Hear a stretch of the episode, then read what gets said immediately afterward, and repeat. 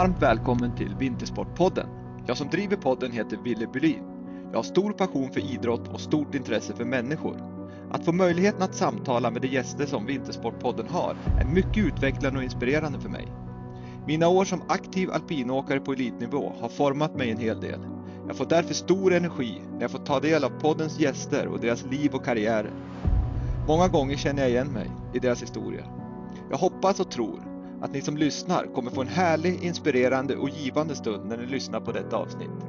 Detta avsnitt är i samarbete med Brooks, eller The Running Company, som grundades 1914 och är helt fokuserade på löpning. Med sin slogan Run Happy har Brooks som mål att inspirera alla att springa sin egen väg till ett bättre liv. Och Tisdag, tryck och reklam i Hudiksvall. Tisdag är det kompletta tryckeriet som erbjuder dig och ditt företag allt för att bli mer synliga. Tisdag är leverantören som jobbar nära dig och erbjuder ett personligt samarbete för absolut bästa resultat. För mer information och kontaktuppgifter besök www.tisdag.se.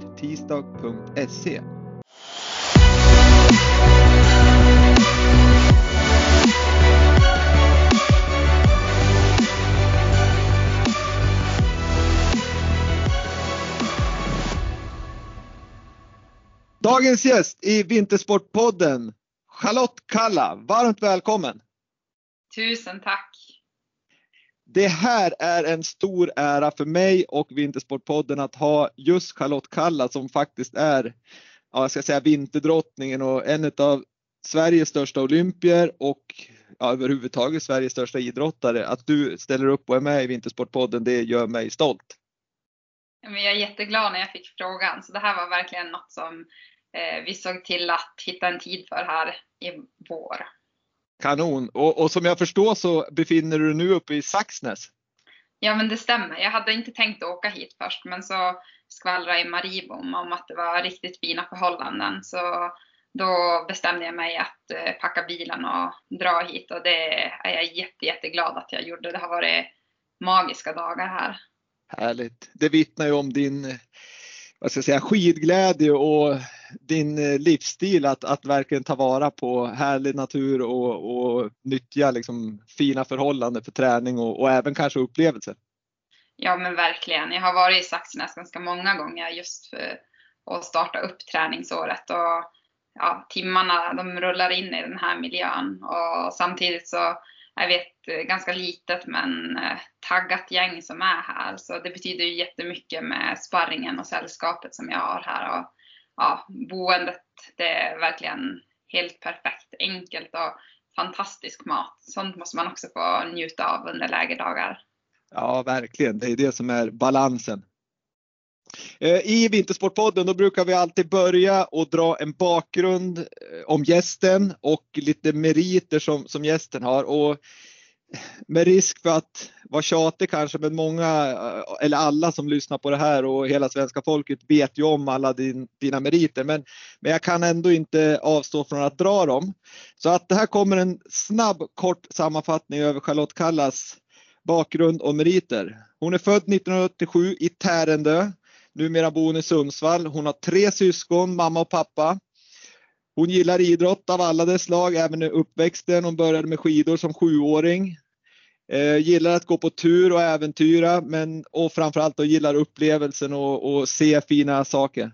Hon är Sveriges, genom tiderna skulle jag säga, största olympier tillsammans med Sixten Jernberg kanske. En av Sveriges populäraste personer och idrottare och 2019 var den mest omskrivna idrottsprofilen i Sverige med över 16 000 artiklar omskrivna om sig själv. Hon har nio OS-medaljer varav tre guld, 13 VM-medaljer varav tre guld, 59 platser på världscup världscupen varav 15 vinster och en som vi alla kommer ihåg det är den 2008 Tour de Ski-vinsten som är helt fantastisk. Sju junior-VM-medaljer varav tre guld, 49 SM-medaljer och 35 guld. Hon har vunnit Sixten Jernberg-priset 2007, Jerringpriset 2008, Victoria-stipendiet 2010, Årets kvinnliga idrottare 2010, Årets lag vann hon på Idrottsgalan 2011, Bragdguldet 2014, Holmenkollen-medaljen 2018 och för den som inte vet vad Holmenkollen-medaljen är så är det en medalj som har funnits sedan 1895 och före Charlotte så var det bara nio svenskar som har fått den här och det är alltså inte vilka nio svenskar som helst utan det är Gunde Svan och eh, Sixten Jernberg och Ingmar Stenmark och Thomas Wasper bland annat. Och, så att det är ett stor, stort pris. Och sen kan jag också tala om att Charlotte Kalla är teknologi, teknologie hedersdoktor på Luleå tekniska universitet. Den du Kalla, hur känns det? Oj, har jag hunnit med så där mycket?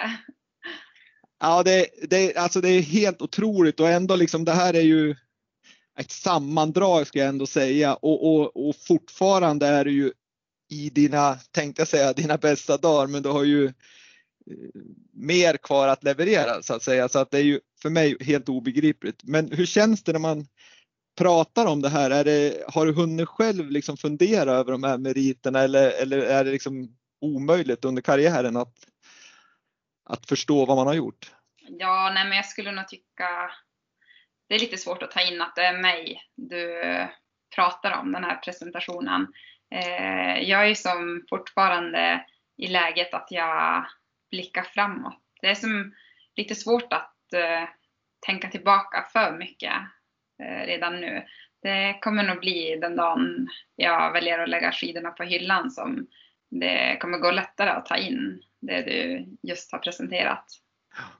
Ja, det, det är liksom ja, det är som en dröm nästan när man, när man ser det här och det är eh, det man kan säga. Nu har du väldigt många pallplatser på, på världscupen också, men, men det vi, vi ska komma tillbaka till det senare. Men det, det som är, tycker jag, Eh, signifikant för dig Charlotte, det är ju just att du har varit så enormt duktig på mästerskapen.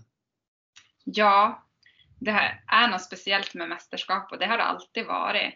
Ända sedan jag fick åka ungdoms-DM i Serbien som ja vad var man, 13-åring kanske, 11-åring. Ja. Så ända sedan dess så har mästerskap varit något som hjärtat har klappat extra hårt för. Ja, det, det, det förstår man ju i och för sig, för det är ju något speciellt med dem. Men, men någonting som jag blev mycket glad över, det var ju nyheten att, att du satsar vidare och för mig var inte det någon överraskning för jag, jag kan se din kapacitet och vet vad du har vad du går för och det bevisar du om inte annat i Oberstdorf på VM här när du, när du gjorde så himla fina resultat med en femte och sjätte plats där och väldigt, väldigt nära pallen. Eh, det som också är helt imponerande det är den genomslagskraft du har ute i tidningarna och vilken påverkan du har på svenska folket. Att du skapar den här glädjen att Charlotte Kalla ska fortsätta.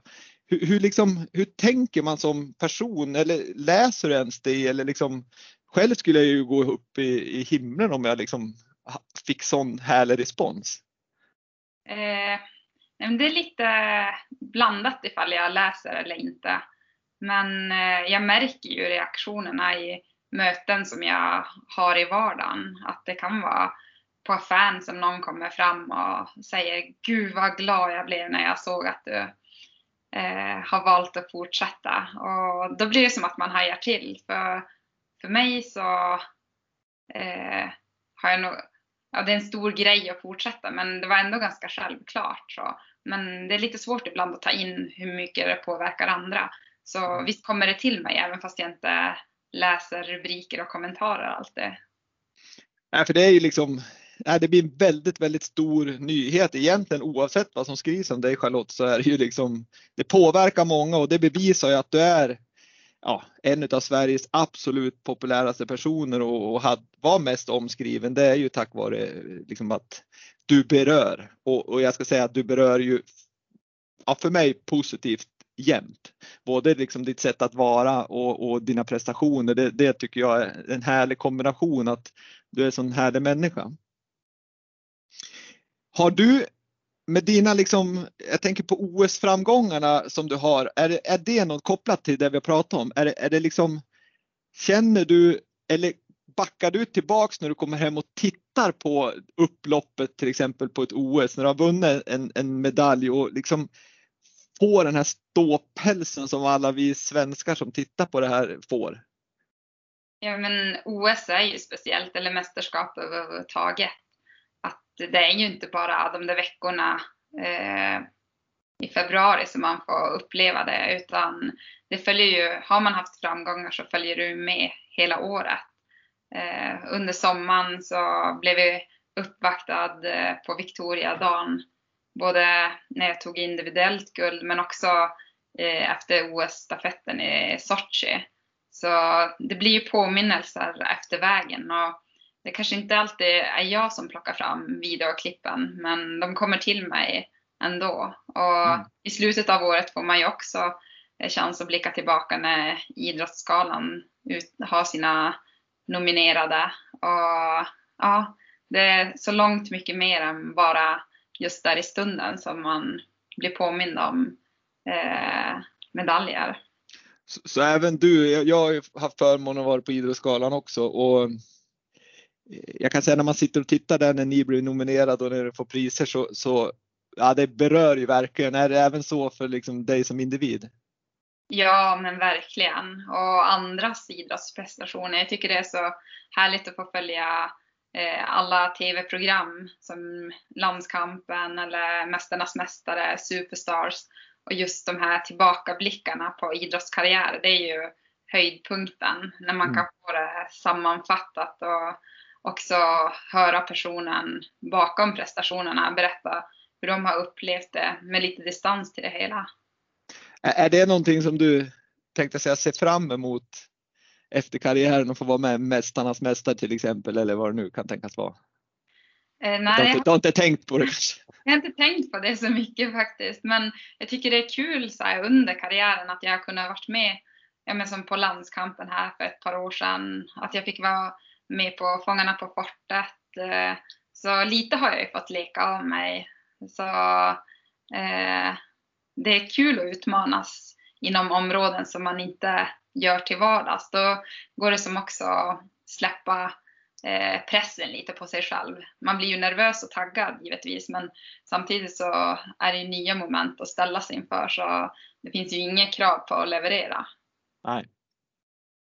Så är det. Eh, om vi backar lite då till du var, tänkte jag säga 1987 när du föddes i Tärendö. Kan du berätta lite om din uppväxt då, liksom hur, hur det var att växa upp i en liten by ganska långt norrut och med, vad du höll på med för andra idrotter och hur du kom in på skidåkning och så vidare? Ja, men jag är ju äldst eh, i syskonskaran och så kom Cecilia två år efter mig och Kristel två år senare. Så det var ganska tätt eh, eh mellan oss tre systrar. Och vi hade ofta mycket kompisar hemma hos oss. Vi bodde mitt i byn, nära till skolan och sporthallen och skidspåret. Och eh, jag tyckte det var jättekul med skolan och såg verkligen fram emot att få börja första klass. Min tre år äldre moster, hon var en stor förebild för mig. Så redan innan jag började skolan så hade jag inspirerad av henne lärt mig att läsa och ja, jag kommer ihåg att eh, vaktmästarna brukar skoja om att de var tvungna att komma och låsa upp skolan lite tidigare än vad de började arbetsdagen tidigare bara för att jag skulle komma in. Så jag kunde sitta där och räkna i matteböckerna och eh, ja, tyckte det var kul att lära mig nytt. Du, du var redan då ganska målmedveten alltså? Ja, och nyfiken på livet. Så, eh, och eh, skidåkning började jag med när jag gick i första klass. Då hade precis Eliusspåret rustats upp. Eh, de hade sökt EU-bidrag för att kunna byta ut elljuset och få en fin barktäkt för att kunna dra tidigt, tidigt eh, med skidspår och så. Mm. Och det var min farfar som frågade ifall jag ville hänga med på en träning. Så jag var inte sen att tacka ja till det.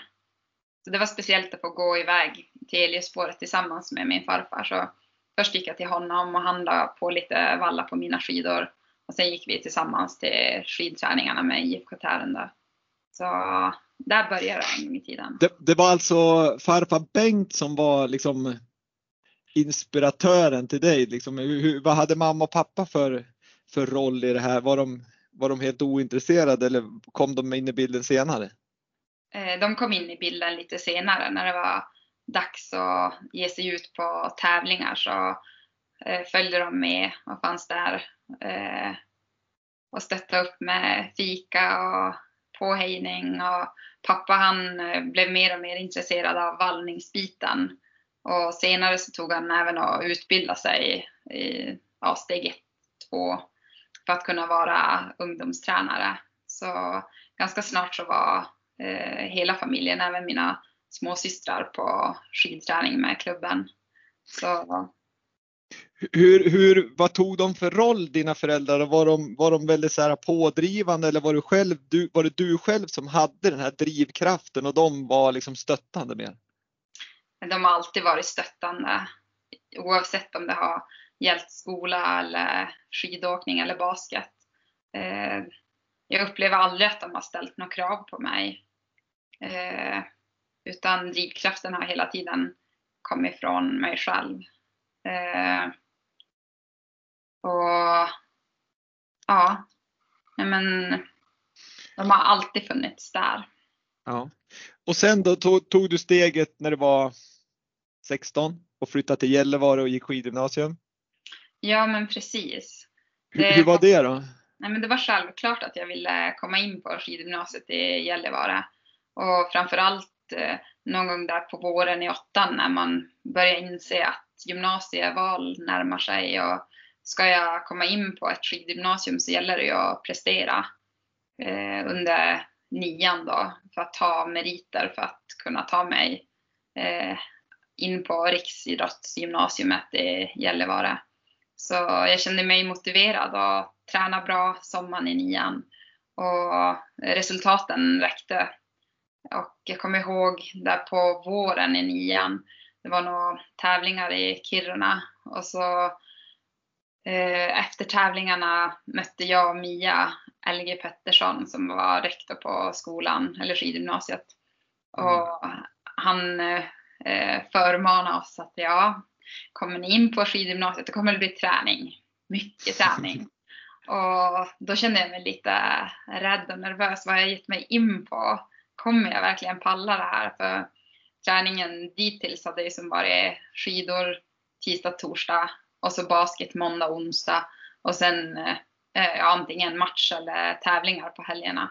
Mm. Och helt plötsligt så skulle vi ha schemalagd träningstid och vissa dagar var det till och med dubbla pass. Så det var lite eh, skräckblandad förtjusning. Så. Men när jag väl började på skidgymnasiet så eh, insåg jag snabbt att ja, men det här kommer jag faktiskt mäkta med. Var du, var du liksom, eh, det var inte helt så självklart för dig ändå att du skulle komma in. Du var ingen sån här superbarnstjärna som vann allt som gick att vinna eller? Nej, vi var ganska jämna i Norrbotten. Det var jag, Mia Eriksson, Katarina Moberg, Sanna Amberg, eh, Lina Lant och Lena Lant. Och, så det känns som att vi hela tiden tog och turades om och var på pallen. Och det var ju väldigt spännande att få ge sig ut på Norrbottens tävlingar. Sen fick vi ju åka även Kalanka Cup och Folksam och USM. Och där hade jag en fjärde plats som bäst. Så jag var det ju, kanske var... Men inte så här bäst. Nej, nej, det var inte överlägset i alla fall. Men, men, det var ju, men det kanske var det som är framgångsreceptet också, att ni var många som, som hjälptes åt och, och pusha varandra och, och liksom vilja göra det lilla extra. Ja, verkligen. Och när jag väl kom in på skidgymnasiet så var vi en superhärlig träningsgrupp. Det var många som var beredda att göra jobbet. Så det mm. betyder ju otroligt mycket att uh, få de klasskompisar på skidgymnasiet som jag fick. N när insåg du liksom då, var det när du började skidgymnasiet? Ja naturligtvis då hade du väl bestämt att det här ska jag satsa på. Men när kände du liksom att fasiken, jag är ganska duktig? Jag kan nog gå, komma en bit. Du har ju junior-VM-gulden här som, såklart. Men... Ja, men det var nog någon gång i årskurs två. Eller ja, egentligen redan i ettan så lyckades jag knipa en junior-SM-medalj och det var stort för mig. För inledningen av junioråret eh, började väl ja, helt okej, okay, men jag blev inte uttagen till juniorlandskamp. Och då trodde jag att nej, det är kört, jag kommer aldrig få åka i landslaget. Men bara någon månad senare så lyckades jag ta medalj då på junior-SM som gick hemma i Gällivare. Så det var ju stort det. Men sen under årskurs två, då gick det jätte, jättebra för mig. Då kändes det som att jag började få effekt av den träning som jag la ner på skidgymnasiet. Härligt. Eh, som jag har förstått det så finns det ytterligare, förutom då mamma, pappa, Bengt som, som tog med dig dit, så fanns det två också som var viktiga där hemma i Tärendö och den ena det var ju tränare Sven Vinsa och den andra var vallare Marti. Ja, Marti Liga va? Jo, han vallade mina skidor från första start och eh, han har funnits med under hela min karriär i IFK Tärendö. Så utan honom hade jag inte haft så bra under fötterna och det var ju även han som lärde pappa att valla. Okay. Så eh, det har blivit många timmar i bil med Marti och pappa sittandes i framsätet och pappa och jag i baksätet och de har alltid pratat finska för eh, Marti kan inte svenska, eller han kan väl ungefär lika mycket svenska som jag kan finska. Så har fått ta pappa eller pappa som tolk för att eh, förstå ifall jag behöver mer fäste eller om man ska korta av eller så. Ja just det, det är lite speciellt där uppe. Det är lite delat med, med, med vilka som kan finska och svenska och sådär vart, vart man är född va? Ja precis och vi hade ju med Enkeli, eh, om det var ettan till fyran så eh, hade vi det i alla fall en lektion i veckan. Men eh, min generation Eh, ja, det är inte jättemånga som kan språket.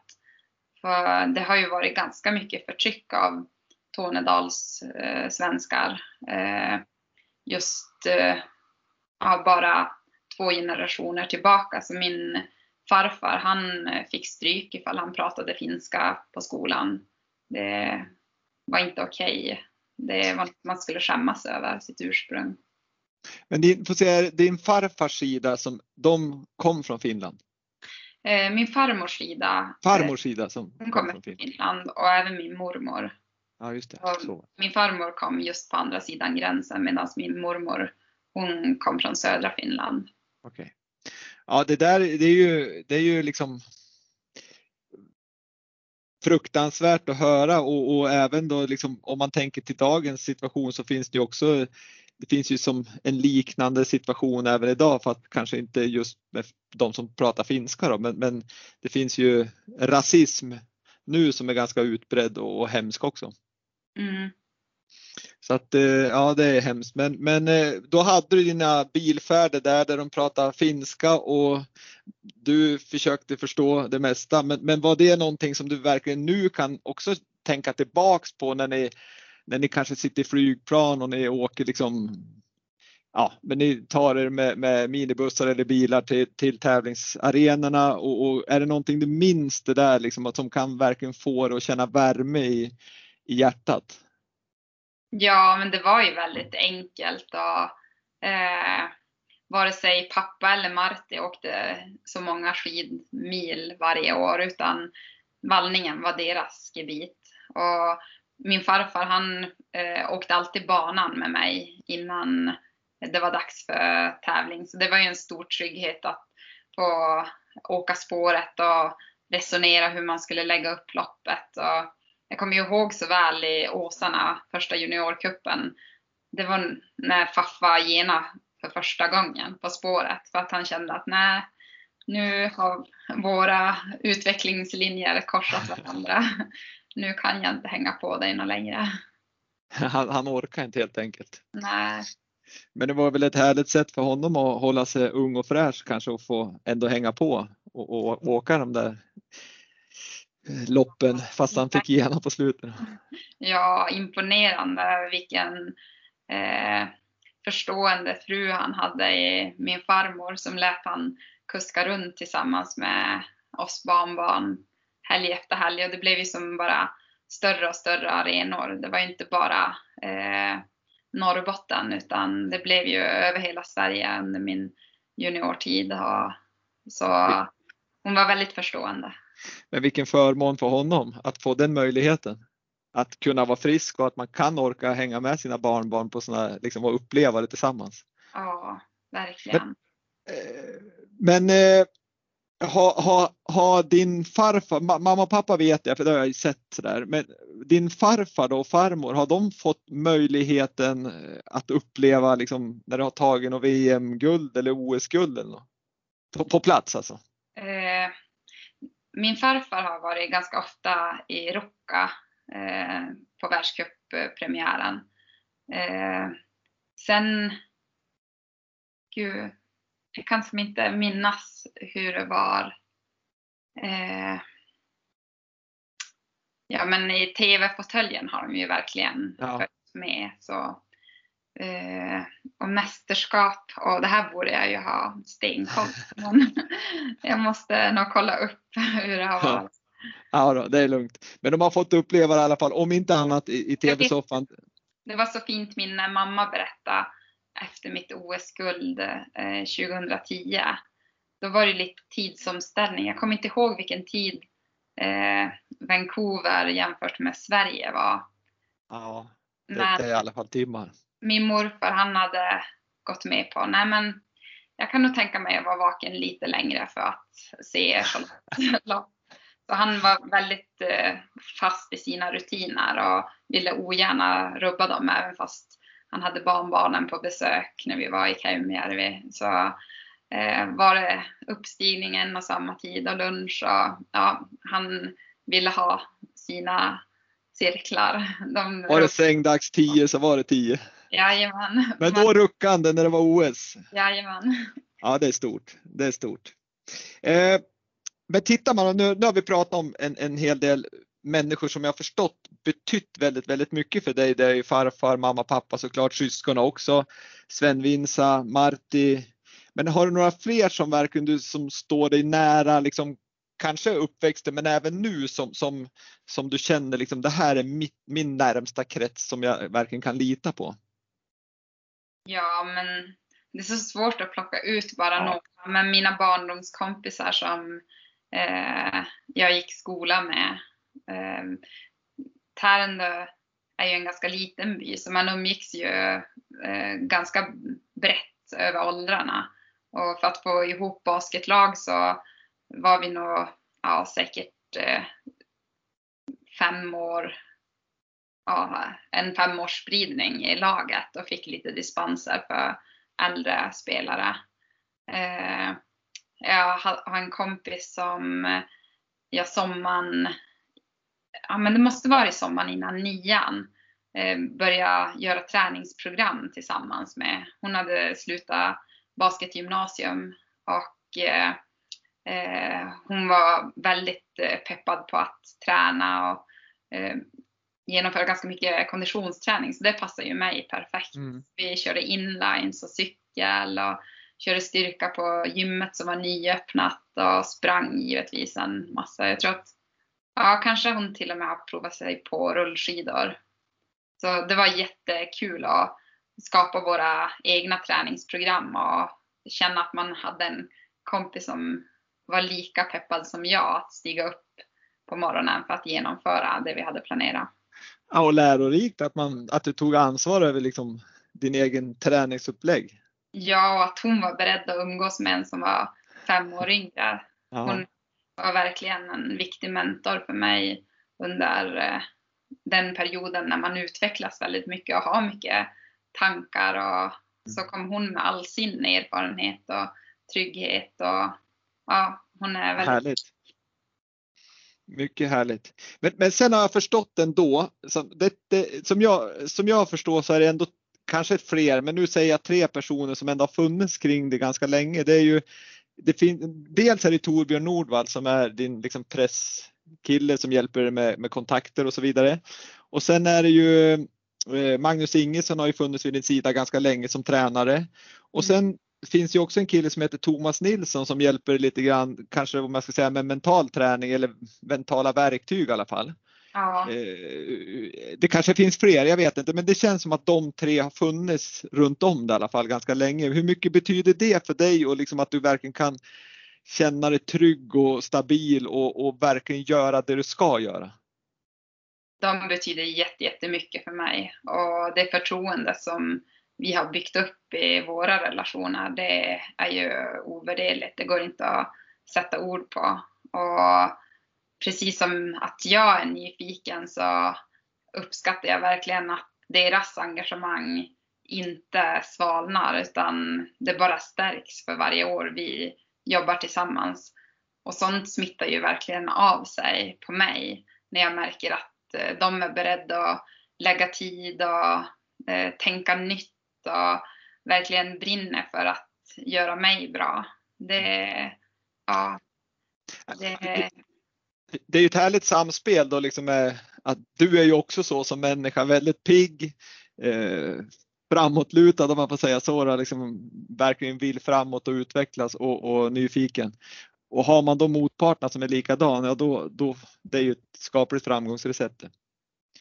Ja, verkligen. De resurspersoner som jag har runt omkring mig, utan eh, de hade inte min satsning och min utveckling varit möjlig.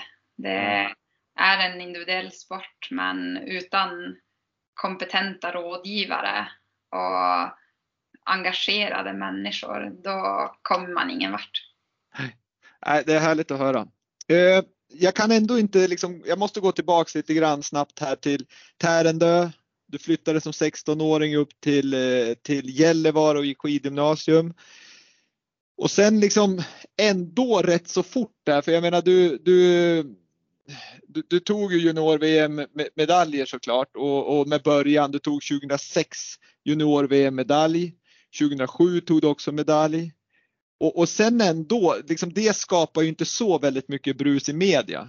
Men sen då när det kom det här äh, klassiska Tour de Ski 2008, med, när, när, naturligtvis du var, var huvudfiguren, men man kan ändå inte glömma bort äh, Gundes skrik på sidan om där, så det är två stora idrottsprofiler som, som, som, som verkligen får mig att tänka på det där. Men hur, hur var det då liksom det förändras ju ändå ganska mycket där från Tärendö, Gällivare, ganska lugn och skön miljö till att förmodligen inte kunna gå på stan i Stockholm ens och, och, och liksom få vara i lugn och ro.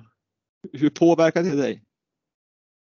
Ja, det var ju väldigt omtumlande att eh, komma hem från touren. Jag åkte dit med målet att eh, ja, det kommer bli utmanande, men jag hoppas att jag kan ta mig igenom de här etapperna och besegra backen. Men eh, att jag var i sån form, det hade jag ingen susning om. Och det är ju verkligen det perfekta genombrottet, att få chans att tävla dag efter dag och bara, ja men, det kändes som att jag fick överraska mig själv så många gånger om. Det, ja, saknar motstycke. Så, så jag hade nog inte riktigt landat i det. Det var först eh, kvällen innan vi skulle upp för Alp de Cermis som jag blev riktigt nervös. Dittills så var det som bara ja, men så mycket glädje och nästan som att man skrattar bara, men alltså är det här sant? Men helt plötsligt så insåg jag ju att oj, jag har ju faktiskt chans att vinna. Om allt går rätt så har jag de fysiska förutsättningarna för att göra det riktigt bra. Ja, det är väl ty typiskt sån där formtopp där man har det här flowet nästan att man, man fattar inte vad som händer, det går lätt och man, ja, som du säger, man skrattar nästan för att vad är det som händer? Ja, är det här på riktigt? Ja. Jag kunde knappt tro det. Men sen när jag landade på Arlanda, det är som så här minnesbilder som aldrig kommer att eh, falla bort. Men då eh, kommer jag ihåg, vi hade Roberto Vacchi som eh, presschef. Vi, han och jag fick ta en eh, bil in till Sky City direkt från flyget. Och hur mycket fotografer det var och hur han liksom så simmade sig igenom för att vi skulle in i något konferensrum där och ha en presskonferens. Hur tog du det då? då? Var, första gången var egentligen det. Var, blev du så här taggad av det eller blev det oh shit det här var jobbigt? Nej, jag blev rädd. Då hade jag fått en förvarning när vi satte oss på planet så delade de ut tidningar där vars jag som liten satt på, ja men kanske om jag var två år, en bild som jag uppe hemma i Tärendö på väggen. Det var liksom Sportbladets första sida. Det kändes jättekonstigt. Så på något sätt så hade jag nog förstått att det här är något stort men just att se alla journalister där på Arlanda, det, det var obehagligt. Mm. Nu har du ju vant dig med det här. Hur, hur, kan man vänja sig vid det och hur, hur mycket måste du tänka på det i, i vardagen? Mm. Ja, jag vet inte. Eh, jag tror att jag kan sluta mig och gå in i en bubbla. Och det gör att jag missar även kompisar och eh, vänner ibland. De får mm. verkligen komma och ruska om mig. Hallå, jag har försökt få kontakt med dig. Så bara, oj, oj, oj. Men mm. det är väl på något sätt för att eh, kunna hantera det så har jag eh, ibland skygglappar på. Ja, men det är nog ett verktyg som man kanske måste ha om man, för att orka med det. Men du Charlotte, nu har vi pratat lite om bakgrund och, och vart du kommer ifrån och lite sådär. Men, men eh, med tanke på din meritlista och den person du är, vad, vad är det som gör dig så unik och var, varför är du så himla bra? Vilka är dina härliga egenskaper som verkligen gör dig att skillnad mot många andra? Men jag tycker resan är så himla rolig. Att eh, få ha en träningsplan som jag tror på. Och eh, det är spännande att lägga träningsplanen men minst lika kul att gå ut och genomföra det och sen känna mig nöjd när kvällen rundas av och jag känner att jag har tagit steg framåt mot utveckling. Eh, så då är det bara nyfikenheten som stoppar en hur bra jag kan bli. Jag tänker på, du har ju liksom passerat många genom din karriär, både liksom, ja, men åkare och ledare, men framförallt åkare då, som har, du har tävlat mot, som har slutat, som har börjat, som har slutat och så är Charlotte Kalla kvar och är väldigt framgångsrik. Men kan du säga någonting som, som du kan ändå under åren säga att fasiken det här gör jag ändå annorlunda eller det här gör jag mer av än de som inte når liksom 9 OS-medaljer och 13 VM-medaljer och fler kan det bli? Oj, gud vad svår fråga. Men, eh, jag tror ju att det är jätteviktigt att glädjen finns där och nyfikenheten och eh, att eh, det har blivit så mycket viktigare för mig själv att jämföra mig eh, med mig själv och inte bli för eh, resultatfixerad utan för mig eh, är det jätteviktigt att utvärdera prestationerna som jag genomför. Och det spiller ju av på alla områden, inte bara just träning. När jag har förstått det, att, att du har verkligen så här liksom, idag då har du gjort någonting och så är du väldigt, väldigt noggrann med att utvärdera det du har gjort. Har du en modell där du liksom, det här är mina mål och så har du en modell eh, som du liksom följer upp det här och, och hur det blev och ja. ja men jag har ganska tydligt kring eh, tävlingsdagar hur jag vill ha det eh, och den kontakten som jag har med Thomas. Och, alltså jag tycker inte att utvärdering är jättekul. Men jag vet att det är en nödvändighet för mig för att kunna eh, slippa ältande och gå vidare och framförallt lära mig något av den prestation jag precis har genomfört. Så jag kan ju bli oh, nästan irriterad när jag har gått i mål och jag kollar på mobilen och har fått ett sms av Thomas där han skriver berätta. Och det är jag som har bett honom skicka det. Och han, eh, han är så tålmodig och gör det efter varenda race oavsett om det är träningstävling eller Sverigecup eller ett VM-lopp så kommer det här smset. Och det är ju som för att vara snäll med mig själv som jag svarar på eh, en skala på 1 till 10 hur känslan, prestation och resultat var. Och så en kort motivering till varför jag skattar just den siffran. Och det måste ju vara bra, det liksom, jag tänker på um, för, för, då är det precis som du säger att då jämför du mot dig själv. För jag menar egentligen kommer du trea och de två som är före dig har gjort ja, mycket bättre helt enkelt och du är toppnöjd med din prestation så, så är det ju som det är ju svårt att säga att du skulle ha slagit dem. Du, blev, du hade, det är bättre att vara nöjd att komma trea än att vara nöjd att komma etta och du känner att du inte har gjort så bra. Ja, och så har man lite olika parametrar att resonera kring också. Så. Nej, men det är intressant för att jag tänker liksom på, är det någonting man ofta går bet på oavsett om det är idrott eller, eller näringsliv så är det ju många gånger att man, man glömmer bort utvärderingen. För det är som, ett, som du säger att gör en utvärdering då kan du konstatera någonting, släppa det och lära dig någonting av vad du har gjort och så går du vidare. Ja men definitivt och så var det ju här nu när säsongen börjar närma sig sitt slut. Vi hade SM i Kalix och ja, om frågorna inte hade varit många redan innan så blev de ju ytterligare fler. Hur gör du? Kommer du fortsätta?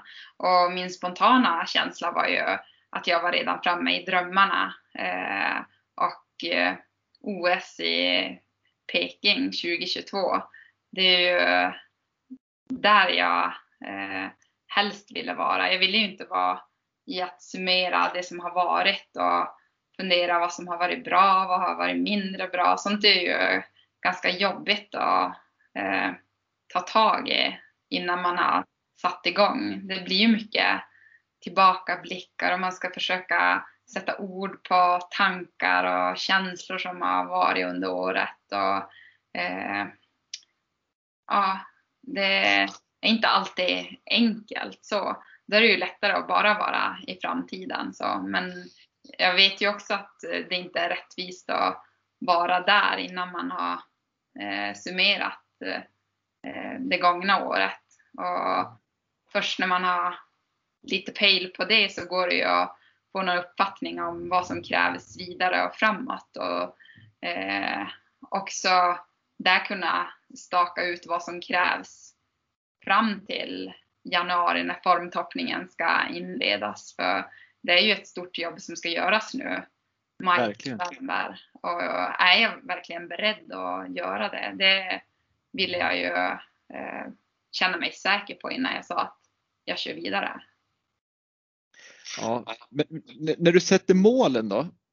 Sätter du dem rena så resultatmål att jag ska ta två OS-guld eller sätter du dem mer som det kan man i och för sig göra också, men sätter du delmål sen att jag ska förbättra stakningen så där eller jag ska skata på ett annat vis eller jag ska börja, ja jag vet inte. Men förstår du frågan? Man kan ju ha resultatmål eller så har du prestationsmål. Ja, nej men jag behöver eh, både och.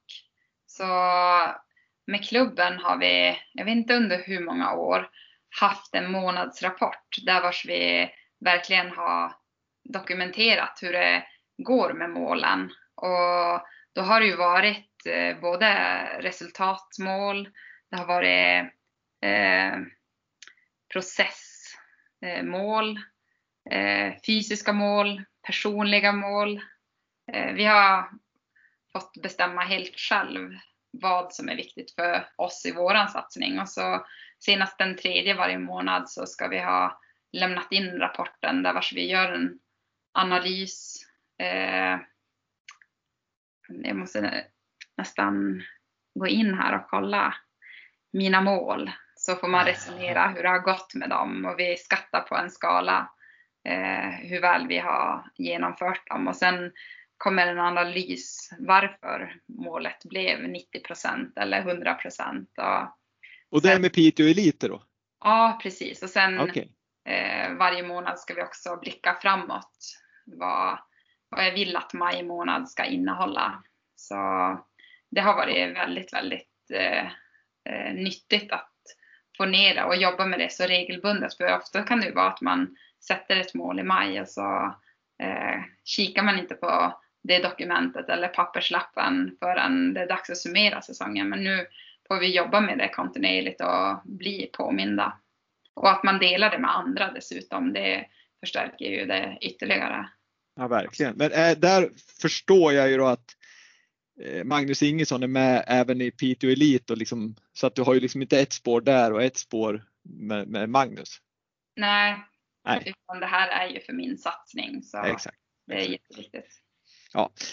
Charlotte, jättebra sagt och, och jag, jag, liksom, jag, jag vill bara förstärka liksom att när jag har tittat, tittat runt, lyssnat runt med, med folk runt om dig som, som, du, som, som, eh, som du har stort förtroende för så är det just det, det de säger också. Det är ju liksom att du har ju extrem skidglädje.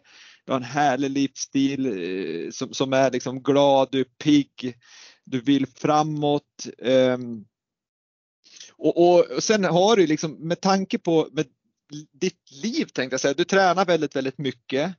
Du, du är en av Sveriges mest populära idrottsmänniskor och personer också. Och du gör ungefär mellan 2 till 300 intervjuer per år. Plus alla intervjuer som sker före och efter loppen och, och så vidare.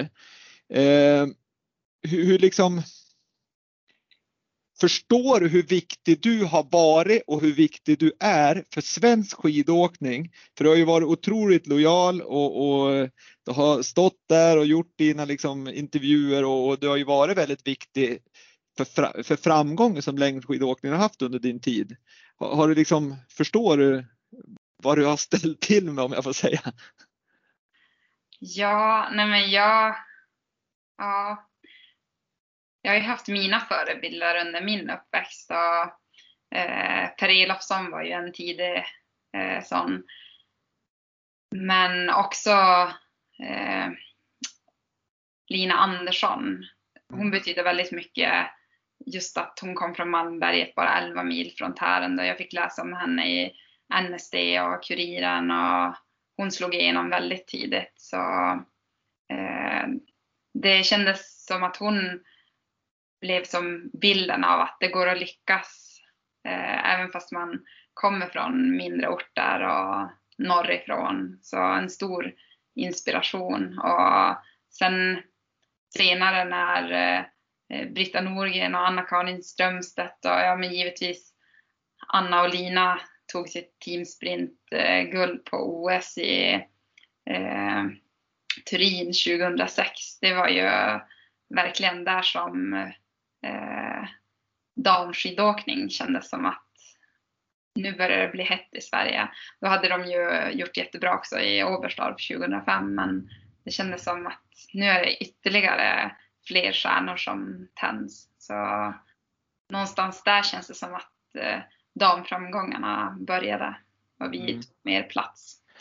Ja, det är liksom en härlig resa och, och, när vi ändå är inne på det då, det känns lite som, jag kan ha väldigt, väldigt fel nu, eh, men ändå, du berättar om väldigt, väldigt duktiga åkare som har funnits tidigare och, och som har funnits liksom hela tiden du också varit med. Men någonstans för mig får jag känslan av att du har ju varit liksom stommen och liksom den man har byggt mycket kring sen, sen egentligen då 2007-2008 där när du slog igenom så, så har ju mycket kanske handlat om dig, du har varit självklar, du har varit liksom ja, stommen i, i landslaget. Och, och sen nu då så kommer det lite yngre tjejer, Frida bland annat, Ebba till exempel, som är yngre, de är jäkligt pigg de också. Hur känner du där liksom? Är det, känner du shit pommes frites, här blir jag pressad eller känner du dig motiverad att ha de här runt om det som får även Charlotte Kalla att liksom rycka till sig? Ja, men definitivt motivation. Det var ju därför jag valde att dra upp hit till Saxnäs när jag hörde att eh, både Emma och Ebba och Moa skulle vara här tillsammans med några killar och skidskytten Bettan Högberg. Så det är verkligen en tillgång och ett läge som jag bara har drömt om att vara i, i ett starkt och framgångsrikt eh, landslag med grym sparring. För det var ju så min karriär startade också. Att vi var ett stort damlag och eh, bland annat jag och Anna Haag sparrade varandra. Så eh, utan hennes framgångar tror jag inte att eh, min seger i Tour de Ski hade varit möjligt och inte senare även OS-guldet då i Vancouver. Mm. Nej, men det, det, är ju, jag tror också på det där för att liksom, ni, ni, ni, har ju väldigt, väldigt mycket tid själv när ni tränar. Jag menar, jag är imponerad. Ni har si, jag vet inte, men timmar, 8-7-800 timmar som ni ligger och tränar. Mycket av det är ensam. Så någonstans måste det vara viktigt att, att man har laget och att man får den här liksom ändå ja, men inspirationen och man får lite liksom ändå tryck på sig och, och, och så att man inte bara såsar till sig för mycket. Ja, och en annan aspekt är ju också att eh, med så många framgångsrika åkare så delar vi också på pressen och mm. eh, att ställa upp på olika uppdrag. Det blir som inte allt fokus på en och samma person utan vi kan hjälpas åt att dra det lasset också för att fortsätta vara en populär idrott som människor vill följa i Sverige. Och ja, framgångar är ju givetvis eh, det viktigaste men eh, också att eh, man får ihop eh, livet runt omkring för att skapa bästa förutsättningar. Ja, det verkar ju vara, eller för mig i alla fall som sitter och tittar på det här så är det ju ett lag som har eh, jättefina förebilder verkligen, som, både som människor i allmänna livet men även som, som idrottskvinnor så är ni ju fantastiska. Eh, jag tänker så här att eh, det stundar ett OS. Vi har några som är klar redan om man säger klar då, för OS är lite annorlunda än ett VM. För VM då ansvarar ju som skidförbundet för uttagningen till de tävlingarna till skillnad mot ett OS där Svenska olympiska kommittén egentligen nominerar eh, åkarna. Ja. Och nu har vi några svenska åkare som är klar men du har inte fått nomineringen. Nej det stämmer. Hur, hur, är det någonting du känner dig stressad av eller är det bara du, du kör din plan och så ska det lösa sig? Jag kör min plan. Eh, givetvis hade det ju varit väldigt eh, skönt och tryggt att eh, vara uttagen redan nu. Då hade jag kunnat lägga min plan in mot OS och känna mig både eh, lugn mentalt och fysiskt i vilka förberedelser jag behöver göra.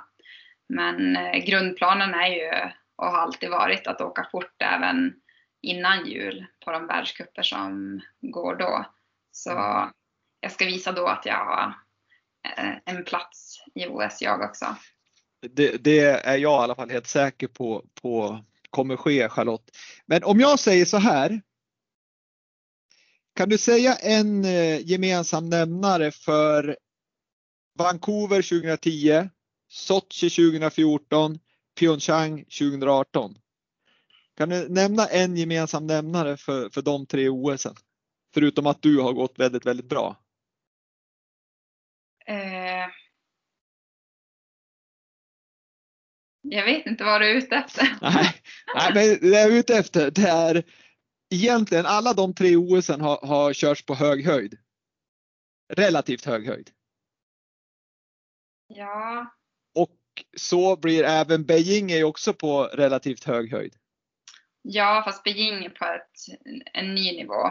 Det är väl Sochi som var lite högre, men nu ska ja. vi ju toucha nästan 1800. Jag tror det var 1790 som var högsta punkten nu på banorna. Ja, men det jag är ute efter egentligen, det, är ju, det verkar ju ändå, det är ju inte på lågland de andra heller, men det jag är ute efter är att det verkar ju vara någonting som, för jag förstår själv som har varit på mycket glaciärer att, att man kan ju vara olika känslig på hög och, höjd och hur man reagerar med både luftrör och, och, i kroppen och vissa klarar av det, vissa klarar inte av det och så vidare. Men, men som jag i alla fall kan tänka tillbaks med de här tre OSen så känns det som att du klarar hög höjd. Eh, är det någonting som du känner själv? Eh, jag känner att jag klarar hög höjd om jag är i bra form. Och mm. det är det jag kommer jobba stenhårt för, att vara så förberedd som möjligt när OS går av stapeln. För eh, ja, är jag i form då spelar det ingen roll om det är hög höjd. Är det...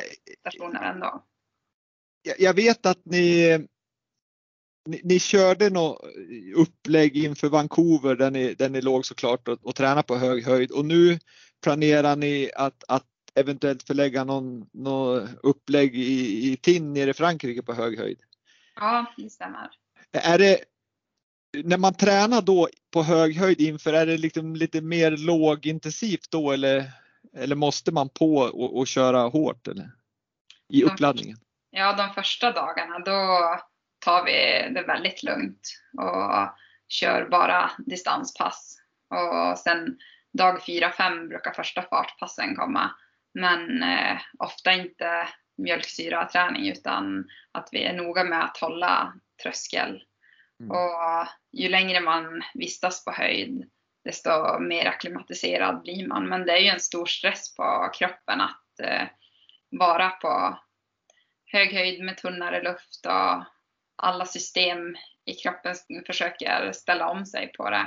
Och det är ju en effekt av att eh, åka upp på hög höjd, få vara hemma en period, åka upp på hög höjd igen. Då kan man ändå vänja kroppen successivt mer och mer vid det här. Men det kräver också att man har en stund hemma vid så att processerna får gå åt andra hållet. Så. Mm.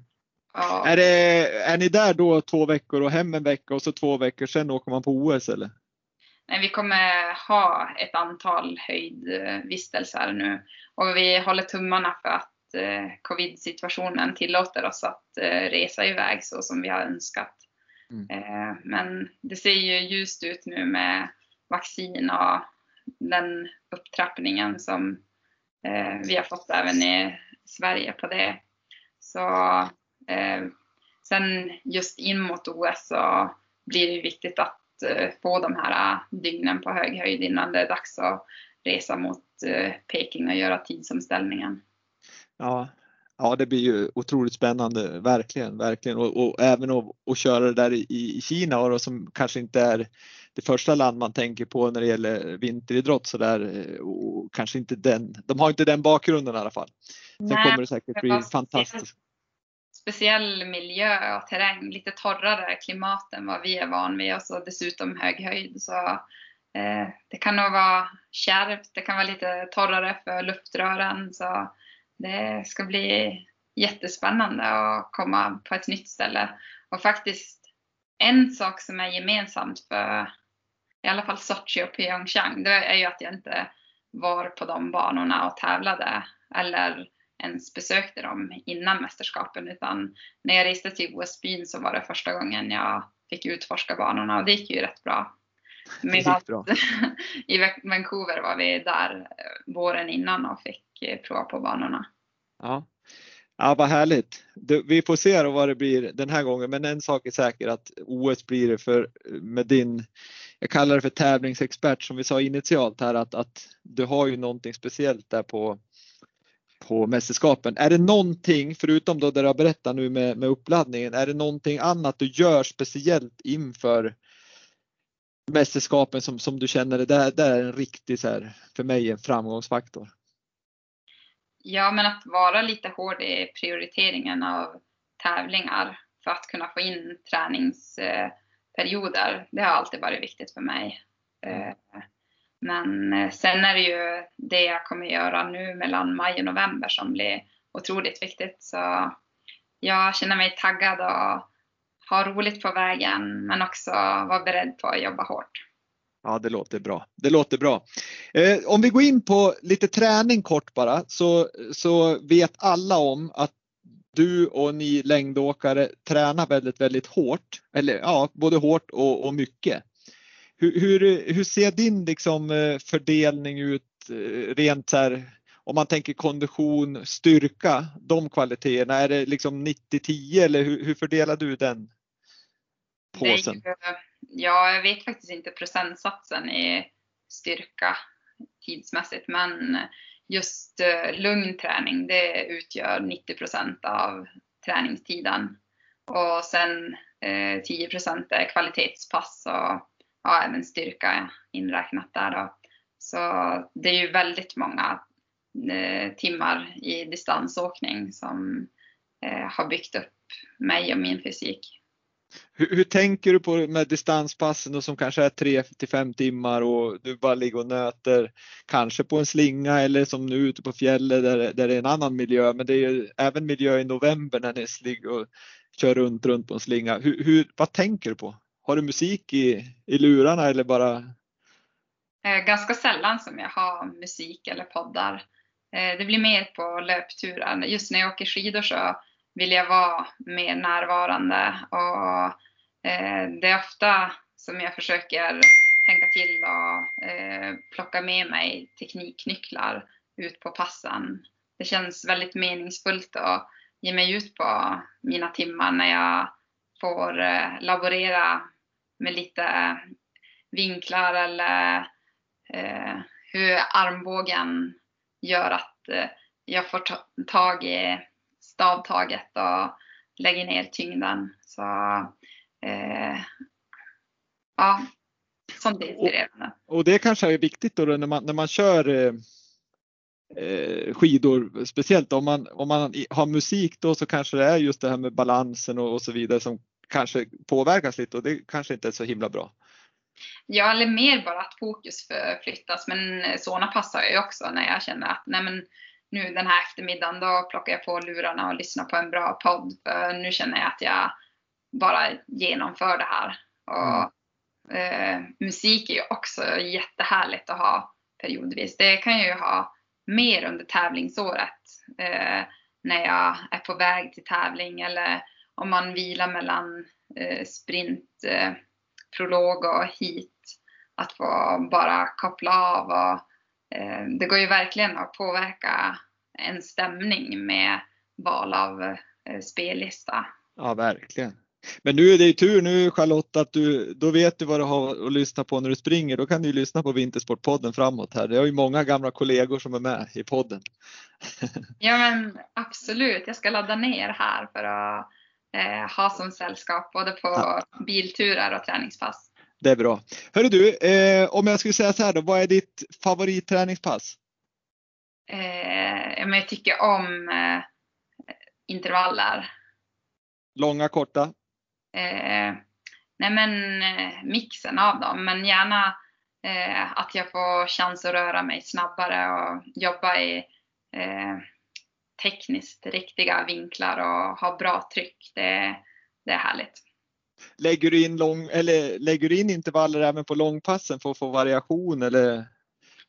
Det är ju väldigt eh, strukturerat och eh, viktigt i träningspusslet att tänka till hur styrkepassen kommer eh, i förhållande till eh, intervallpassen. Så imorgon ska vi ut och köra lite läng längre drag här på slingorna i Saxnäs innan jag packar bilen och drar hem. Men gud vad härligt. Härligt. Du, innan vi ska avsluta här med no några saker så, så ska jag bara ta några samarbeten du har. Du har ju, du har ju väldigt fina samarbeten tycker jag och otroligt fina varumärken som du jobbar liksom personligt med, eh, sponsorer. Eh, ett som har blivit, tycker jag, uppmärksammat på slutet och som jag liksom verkligen syns mycket, det är ju din nya hudkollektion här på apoteket. Ja, eh, som, eh, ja, och där är jag liksom en fundering, är det någonting du bara liksom här har ni mitt namn och så får jag 5% av det ni säljer eller har det varit med i, i det konceptet? Eh, jag har varit väldigt engagerad i framtagningen av produkterna och det kändes som en självklarhet Eh, redan från start när jag kom eh, i kontakt med Kronan så vi skulle eh, ja, inleda ett samarbete. Det var superkul att träffa engagerade människor som verkligen brinner för sin sak och få den möjligheten att ta fram eh, en hudvårdsserie som bär mitt namn. Och, eh, det har varit så himla skoj att engagera vänner och familj i provandet av eh, eh, handkrämer och dofter och designen på förpackningarna har jag fått ta hjälp av Lars Ljung i hur mina skateskär ser ut. Så Aha. ifall du plockar upp en tub så, så skulle det kunna se ut här i Saxnäs när jag har skatat fram. Och... Men, men, det måste ju kännas väldigt, väldigt Alltså det, måste, det är ett riktigt samarbete. Det, det är inte ja, bara liksom, vad men kul. Superspännande just att få möta de som är experter på sitt område och få ta fram något fysiskt och se det i butikshyllorna. Men när du väljer samarbetspartner och det är viktigt för dig att du verkligen kan stå för, för liksom det de gör och, och ert samarbete så att det är liksom inte, det är inte bara pengarna som, som styr. Nej, absolut inte. Det ska verkligen vara en match och kännas rätt att vi delar samma värderingar och eh, hållbarhet är något som är otroligt viktigt i alla mina satsningar. Eh, inte bara inom skidåkning handlar det om att tänka långsiktigt. Så det är något som genomsyrar allt. Men jag tänker några av de här är ju liksom tekniska och, och är, det, är det någonting du har i åtanke för framtiden att, att det finns liksom ett samarbete som, som du skulle kunna ha en sysselsättning även efter karriären? Ja men det är ju lite så man känner i alla samarbeten som jag har att oh, tänk om man bara hade lite mera tid till att vara ute hos företagen ännu mer, och göra projekten ännu större. Det hade varit jätteinspirerande men det, det är lite svårt att låta det svälla för mycket under den här perioden när jag är elitskidåkare för jag vill inte tumma på återhämtningen som är så viktig. Eh, så ja, var sak har sin tid. Det är så. Det är så. det är också och med kul din... att få skifta fokus också emellanåt och ha det här som inte är så eh, fokuserat på hur jag ska ta mig snabbare fram i spåren utan något helt annat område. Det ger ju energi det också. Det ska jag verkligen lägga till. Ja, det är, ju, det, det är ju viktigt att man på något vis kan koppla bort hjärnan och tänka på något annat också. Det, det är både viktigt för återhämtning men även liksom att man orkar med det ni ändå gör med så mycket timmar så det måste det vara jätteskönt att få verkligen tänka på något annat. Ja, och få träffa eh, människor som brinner för sitt. Så ja. det eh, ger ju verkligen energi i alla led. Ja. Men du, eh, jag tänker, jag, kan, jag måste fråga om den här tek, teknologi hedersdoktor på, på Luleå universitet. Vad innebär det egentligen? Eh, nej men det är att jag ska fortsätta vara den ambassadör som jag är för Norrbotten och okay. skidåkning. Så det känns eh, ja, som en titel jag är otroligt stolt över och eh, väldigt oväntat. Ja, det, är ju, det är en otrolig titel men, men eh, och, och, väldigt, väldigt viktigt och du gör ju ett fantastiskt liksom eh, Ja, du är ju en väldigt, väldigt god ambassadör för, för Norrbotten i, i, att du behåller dialekten och du, du pratar gott om Norrbotten i, i, alla, liksom, i alla sammanhang. Så, men det, det, betyder inte att du ska föreläsa för ingenjörerna här framåt? Nej, det hoppas jag verkligen inte. Det finns andra som har mer kunskap. Ja, det, det, det, det kanske gör det. Eh, hur ser du på framtiden då? Jag ser fram emot eh, den här våren och sommaren som eh, kommer innehålla massor med spännande träning. Att vi kommer få besöka ny lägerort som jag aldrig tidigare har varit på. Det är mycket som eh, kommer hända här framåt och härlig träning som jag kommer få ta tag i som kommer göra mig så redo som möjligt när OS drar igång 5 februari.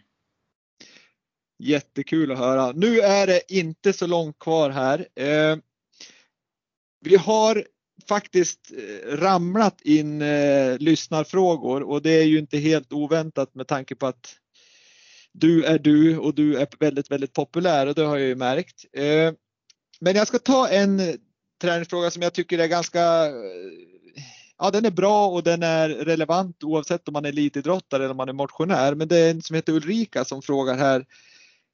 När träningsmotivationen tryter, vilket knep tar du då till? Ja, men att korta tidsperspektivet lite grann och eh, bara ut och göra. Det är så otroligt skönt att komma in. Och ifall det är lite längre fram i tiden, då kanske jag försöker stämma träff med en kompis. För att eh, det är svårare att göra någon annan besviken och att man inte dyker upp. Alltså träningskompis då? Ja, precis. Ja, men det var bra svar. Och så sen har vi en från Jakob som frågar vad, vad driver dig mest nu inför kommande säsong här? Är det att ta en OS-medalj i stafett eller en OS-medalj individuellt? Att vara i så bra fysisk form som möjligt när OS går av stapeln och få till bra prestationer. Då tar du OS-guld i alla discipliner. Eh, Charlotte, tiden går och jag är otroligt, otroligt glad att jag har fått ha en dryg timme med dig. Och jag ställer en sista fråga som jag ställer till alla gäster i den här podden och den svaret det får vara väldigt, väldigt kort. Men det lyder så här väldigt enkelt. Kan du säga en framgångsfaktor för att bli en framgångsrik idrottare? Glädjen. Härligt Charlotte! Glädje återkommer ganska många gånger bland er idrottsstjärnor och jag tror att det är verkligen, verkligen så som, som det ligger till. För har man inte glädjen då, då är det ju svårt att träna så mycket som ni gör. Mm, definitivt. Då ska vi säga så här att nu önskar jag dig en fin resa imorgon tänkte jag säga på fjället i Saxnäs. Kör försiktigt hem och eh, ta väl hand om ditt, vad ska jag säga, din syr, systers nya bebis. Du har ju blivit moster här så det är väl jättehärligt att, att få komma hem och, och krama om en liten bebis. Ja, det ska bli jättehärligt att få vara tillsammans med Sami. Han är en riktig solstråle. Härligt! Det ger motivation inför kommande säsong och träning. Ja, verkligen. Tack Charlotte Kalla för att du var med i Vintersportpodden och podden och jag önskar dig all lycka inför OS-satsningen och i övrigt med alla dina åtaganden i livet. Tusen tack för att jag fick vara med. Härligt! Tack, tack! Tack!